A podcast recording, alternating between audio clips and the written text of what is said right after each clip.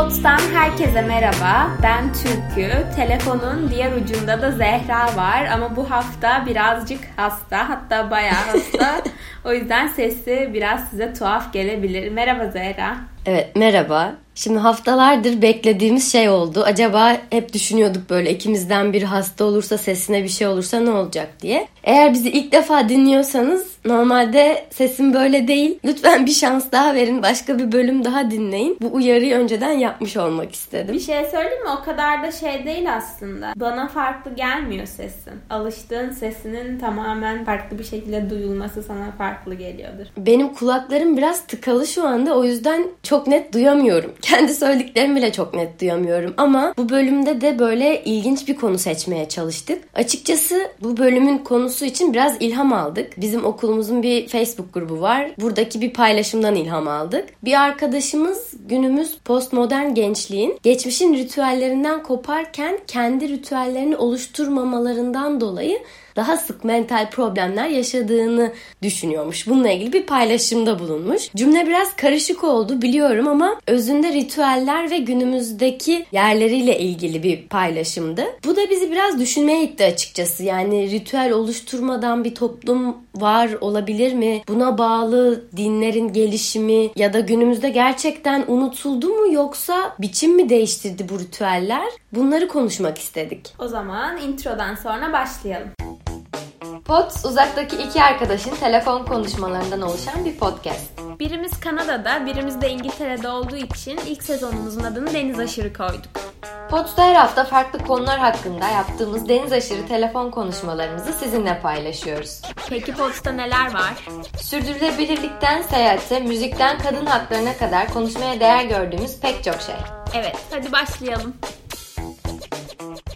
Yani aslında ritüelleri düşündüğün zaman onları sosyo-kültürel yaşamın ayrılmaz bir parçası olarak görebiliriz. Ritüeller de zaten başlangıçta sosyolojinin bir alanı iken daha sonra antropolojinin bir alanı olarak değişmiş. Yine de bence toplum içinde zaten çok önemli bir etkileşimi anlattığı için ve bunu işlev olarak üstlendiği için aslında şu anda sosyologların da dikkatini çeken bir konu. Bu sefer tanım işi bende Zehra. Hep sana kalıyordu tanımları yapmak. Ritüelin tanımları ne diye baktı. Ritüel bir birey ya da bir grupla ilgili bazı değerlerin, sembolik davranışların böyle aşağı yukarı değişmeyen ve ardışık bir şekilde tekrarlanan biçimleriymiş aslında. Yani bunun asıl kıstası bunu sürekli ardışık bir şekilde tekrar etmemiz bir davranışı. Ben de araştırınca çok şaşırdım. İnsanlar kendilerine ritüel oluşturmaya bundan on binlerce yıl öncesinde başlamış. 70 bin yıl önce hatta Afrika'da bir mağarada taşlarla yapılan bir ritüel olduğunu bulmuşlar. Sen de çok güzel açıkladın aslında ritüel dediğimiz şeyin ne olduğunu. Hani günlük hayatımızda bir böyle artık adet haline gelmiş şeyler anlamı var. Bir de daha ayin gibi bir anlamı var. Bu ayin anlamında tabii genellikle bir din tarafından belirli periyotlarla yapılması gereken etkinlikler gibi de düşünebiliriz. Yani bir yılın başlangıcı da olabilir bu. Bir bayram olabilir. Atıyorum Nevruz olabilir, Şükran Günü olabilir ya da daha böyle geniş baktığımızda aslında cenazeler bile bir ritüel. Çünkü tekrar eden hep yaptığımız şeyler var cenazelerde bile. İşte dua ediyoruz, bazı ülkelerde dans ediliyor çeşitli anma törenlerinde ya da o ritüele özel yemekler yiyoruz mesela. Yani çok eski çağlardan beri söylediğin gibi ritüeller zaten insan olmanın bir parçası haline gelmiş. Ben de geçtiğimiz yıllarda Ege tarihi dersi alıyordum Boğaz içinde. Orada Minoa uygarlığından bahsediyorduk sürekli. Minoa uygarlığından biraz bahsedeyim size. Çünkü benim bayıldığım çok aslında gelişmiş bir medeniyet. Girit adasında yaşıyorlar. Bronz çağında yani milattan önce 14. yüzyılda bakıldığında milattan önce 14. yüzyıl gerçek bir çılgınlık ve o geri tarihte bile bu kadar üst bir medeniyet kurabiliyor olmaları üst düzey yöneticilerinin kadın olduğu bir medeniyet. Asla savaş diye bir şey yok. Tamamen barışın hakim olduğu bir medeniyet ve kendilerine ait çok güzel ritüelleri var. Bu ritüellerden bir tanesi de doğayla ilgili tabii ki de eski dinlerde gördüğümüz gibi kadın erkek bir araya gelip koruluklara ya da ormana gidiyorlar ve ağaçlara sarılıyorlar. Ağaçlara sarıldıkları, taşlara sarıldıkları böyle bir ritüelleri var. Hatta buna Sacred Dance and Groove diye aratırsanız böyle Minoalıların çok ünlü freskleri var. O fresklerde de bu ritüelleri ta o zamanda yani bronz çağından kalmış ve bu freskler hala duruyor gerçekten çok tatlı bir ritüel bence ağaçlara sarılmak ve ben de bunu bilmeden önce bile yapıyordum aslında. Bu da benim doğaya çıktığımda ritüel olarak gördüğüm bir şeydi. Ben de ağaçlara sarılmayı çok severim. Bir taraftan gerçekten böyle ağaçlara sarılmalı masum ritüeller var. Bir taraftan bazı kabilelerde gerçekten karanlık diyebileceğimiz tehlikeli ritüeller var. Peki biz bunları niye yapıyoruz? Yani bu kadar çok insan bir araya gelip yılın hep aynı zamanında niye aynı etkinlikleri tekrar tekrar yapıyor. Biz de bunu biraz merak ettik, araştırdık aslında. İşin bence temelinde toplu yapıldığı için bir yere ait hissetme duygusu var açıkçası. Zaten belki şu anda da modern dünyada bireysellikte en çok eksikliğini çektiğimiz şey bu olabilir. Bir gruba bir yere ait olma hissi. Maslow'un ihtiyaçlar hiyerarşisi var. Belki bilmeyenler vardır. Biraz ondan çok ufak bahsedeyim. Bu bir piramit ve bu piramide göre en alttaki ihtiyaçları karşılamadan üsttekilere çıkamıyoruz. Onlarla ilgilenemiyoruz. Nedir bu ihtiyaçlar diye baktığımızda da en aşağıda fizyolojik ihtiyaçları görüyoruz. Yani fizyolojik ne demek? Yemek gibi, su gibi, hava gibi. Bunun ardından güvenlik geliyor. Onu da sağladıktan sonra bir yere ait olma ihtiyacı var. Yani ilginç olan bu ihtiyaç öz saygıdan bile önce geliyor bu piramitte. Gerçi Maslow bunu 1940'larda söylemiş. Artık 2020'lere geldik diyebiliriz. Ve acaba bu ihtiyaçlar hiyerarşisinde bir değişiklik olur mu? Yani öz saygı ve kendini gerçekleştirme bir gruba ait olmadan daha önemli olabilecek mi? Yoksa bu acaba sadece şu anda bu modern dünyanın görünen yüzü mü? Yani içten içe bunun eksikliğini insanlar olarak çekiyor muyuz acaba? Ama senin de dediğin gibi ritüellerin toplumsal hayattaki yeri gerçekten büyük. Çünkü sosyal bütünleşmenin önemli bir öğesi ritüeller. Yani öyle görülüyordu çok yakın bir zamana kadar. Sadece bu bireyselleşmeyle birlikte bence senin de dediğin gibi artık buna önem vermiyoruz. Ama ritüeller karakterleri itibariyle kolektif bir bilinç aşılıyor bize. Çünkü senin de dediğin gibi bir grubu bir arada tutmakla, birlikte bir şeyler yapmakla, dayanışmayı arttırmakla ilgili bir şey. O yüzden şu anda daha bireysel yapımız bu kadar kolektif olmayışımız belki de bunu etkiliyor.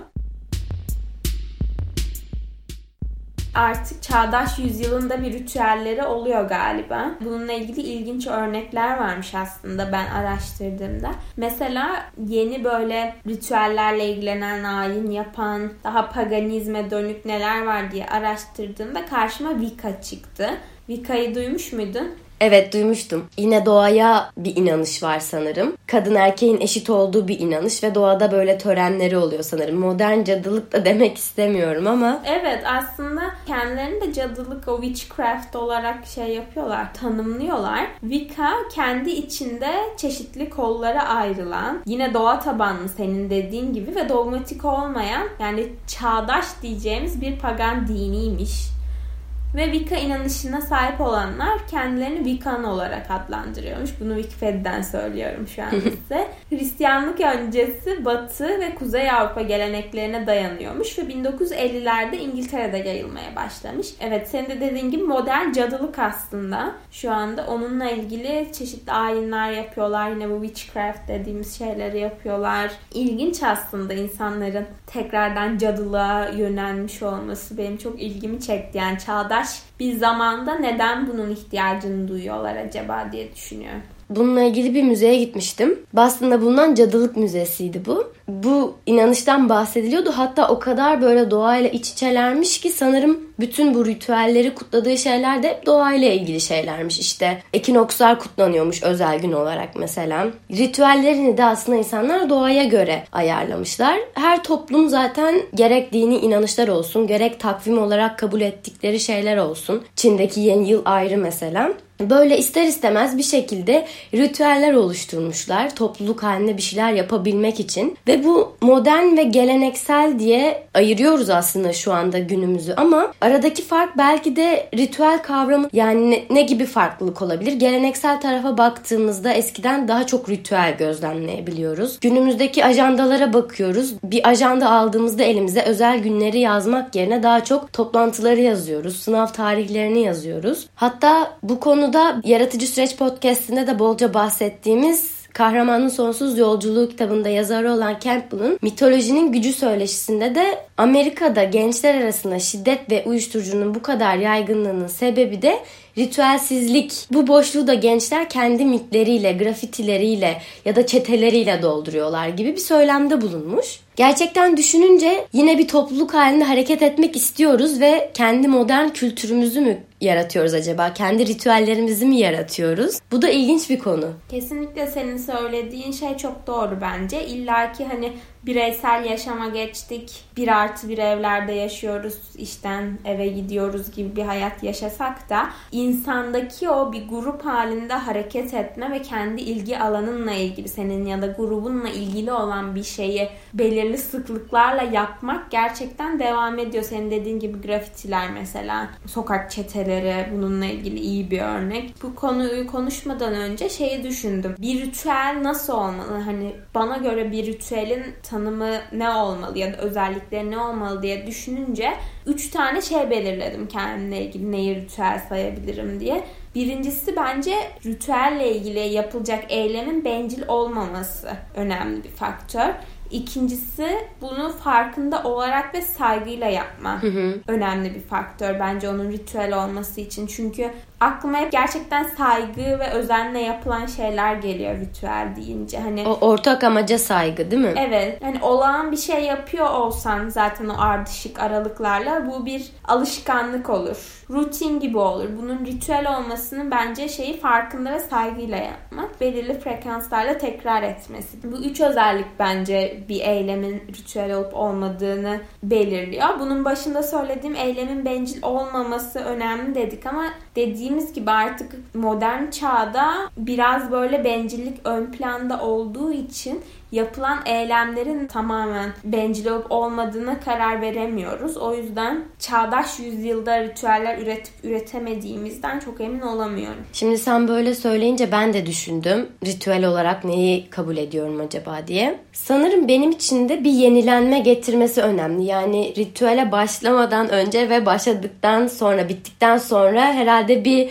aydınlanma gibi değil de bir ferahlama, bir yenilenme olması önemli açıkçası. Bu anlamda güzel bir şey. Her ne kadar hani günümüzde biraz daha azalıyorlar. Gençler bunu çok yapmasa da bence güzel bir şey ritüeller. Yani yılın belli günlerini böyle iple çekiyoruz. Heyecanlanacak bir şeylerimiz oluyor ve bunu da birileriyle paylaşıyoruz aslına bakarsan. Dediğim gibi bu hepsinin ardında bir yenilenme var ama bireysellikten bahsettik. Günümüzde gerçekten bu yenilenmeyi bile kendi kendimize yapıyoruz. Self care diye bir kavram var biliyorsun. Yükselişte bayağı trendde olan bir kavram. Yani kendi kendimize yenileniyoruz. Kendi kendimize bir şeyler yapıyoruz. Bunun için bir topluluğa ya da belli bir tarihe ihtiyaç duymuyoruz artık. Tek başımıza oturduğumuz evlerde, günün istediğimiz saatinde bu yenilenmeye ulaşabiliyoruz çeşitli yollarla. Her birimizin bu sebeple oluşturduğu ayrı bir rutin var gerçekten. Ama senin de bahsettiğin gibi bu ne kadar bir ritüel olabilir orasını bilmiyorum. Bir de belki şu an aklıma geldi bu ritüellerin aslında şu anda pazarlama stratejilerinin bir parçası olmasından da bahsedebiliriz. Çünkü bir şey ritüelse, bir tarihi varsa, bir saygıyla yapılıyorsa belki bu insanların hoşuna gidiyor ve bunu bir reklam aracı olarak kullanabiliyorlar. Mesela çay içme ritüelleri şu an İngilizlerin 5 çayı artık 1840'lardan günümüze gelmiş bir ritüel halinde ve şu anda hani İngiliz çayının popüler olmasında bir sebep aslında. Ya da yine Japonya'daki çay ritüelleri turizm şeyi haline geldi. Aslında Japonya'nın tarihinde yüksek mevkilerdeki kişilerin hani özel ritüeller eşliğinde sosyalleşme aracı olarak yapıyorlarmış bunu. Ama şu anda tamamen yine turistlerin de gidip görmek isteyeceği bir araç haline geldi. Yine aynı şekilde Rituals markası aklıma geliyor. Ben çok severek kullanıyorum çünkü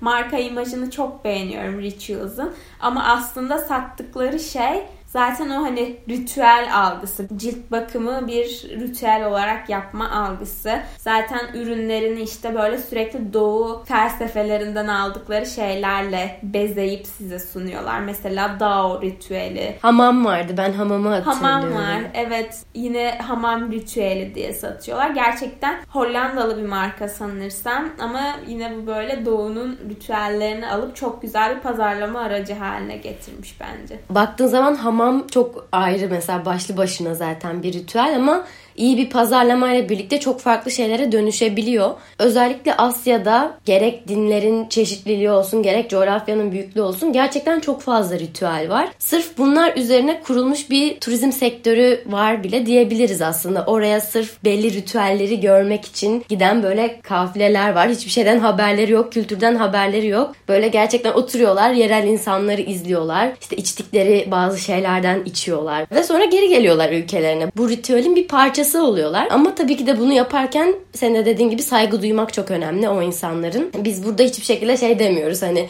şu ritüel saçmadır, bu ritüel yanlıştır diye bir şey demiyoruz. Dünyanın çok farklı yerine çok farklı ritüeller var ve belki de dünyanın farklı yerine yayılmışlar dedik. Bunları aslında en iyi devam ettirenler de diasporalar olabilir gibime geldi şu anda. Yani kendi ülkelerinden başka bir ülkeye gidip orada yaşamaya başlayan gruplardan bahsediyorum diaspora derken. Çünkü kendi kültürlerine, özlerine dair şeyleri korumak istiyor bu insanlar. Onlara ait olduğunu düşündükleri şeyleri bırakmak istemiyorlar. Bu sebeple o ana karadaki gelenekler ne kadar değişirse değişsin, ritüeller belki artık yapılmıyor olsa bile diasporalar kapalı kalarak o kültürlerini koruyorlar asimile olmamak için. Diasporalar gerçekten çok ilginç bir kavram. Belki bununla ilgili bir bölüm kaydetmek de güzel olabilir. Kesinlikle bunu bir düşünelim. Bence de ilginç olur.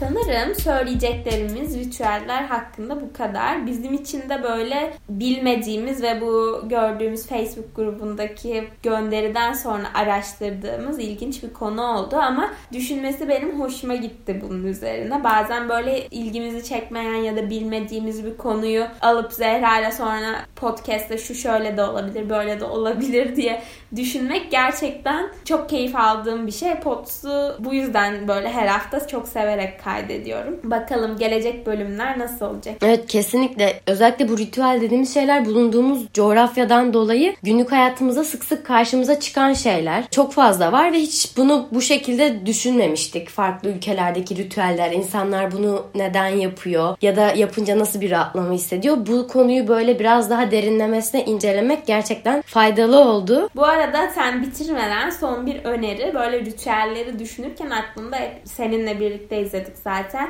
Samsara belgeseli dönüp durdu. Çünkü orada aklınıza gelebilecek her çeşit ülkeden böyle çeşitli görüntülerin olduğu çok güzel bir belgesel ve orada da çeşitli ülkelerin farklı ritüellerini de görebiliyorsunuz bazı sahnelerde. O yüzden izlemenizi mutlaka tavsiye ediyorum. Zaten Pots'ta da paylaşırız Samsara ismi belgesel. Estetik hazdan bahsetmiştik bir önceki bölümümüzde de oldukça estetik haz alabileceğiniz bir belgesel kesinlikle tavsiye ediyoruz. Facebook grubundaki o arkadaşımıza da teşekkür ediyoruz. Şu anda adını hatırlayamadım ama sayesinde böyle bir bölüm kaydetmiş olduk. Bir sonraki bölümlerde görüşmek üzere. Görüşürüz. Ben de iyileşirim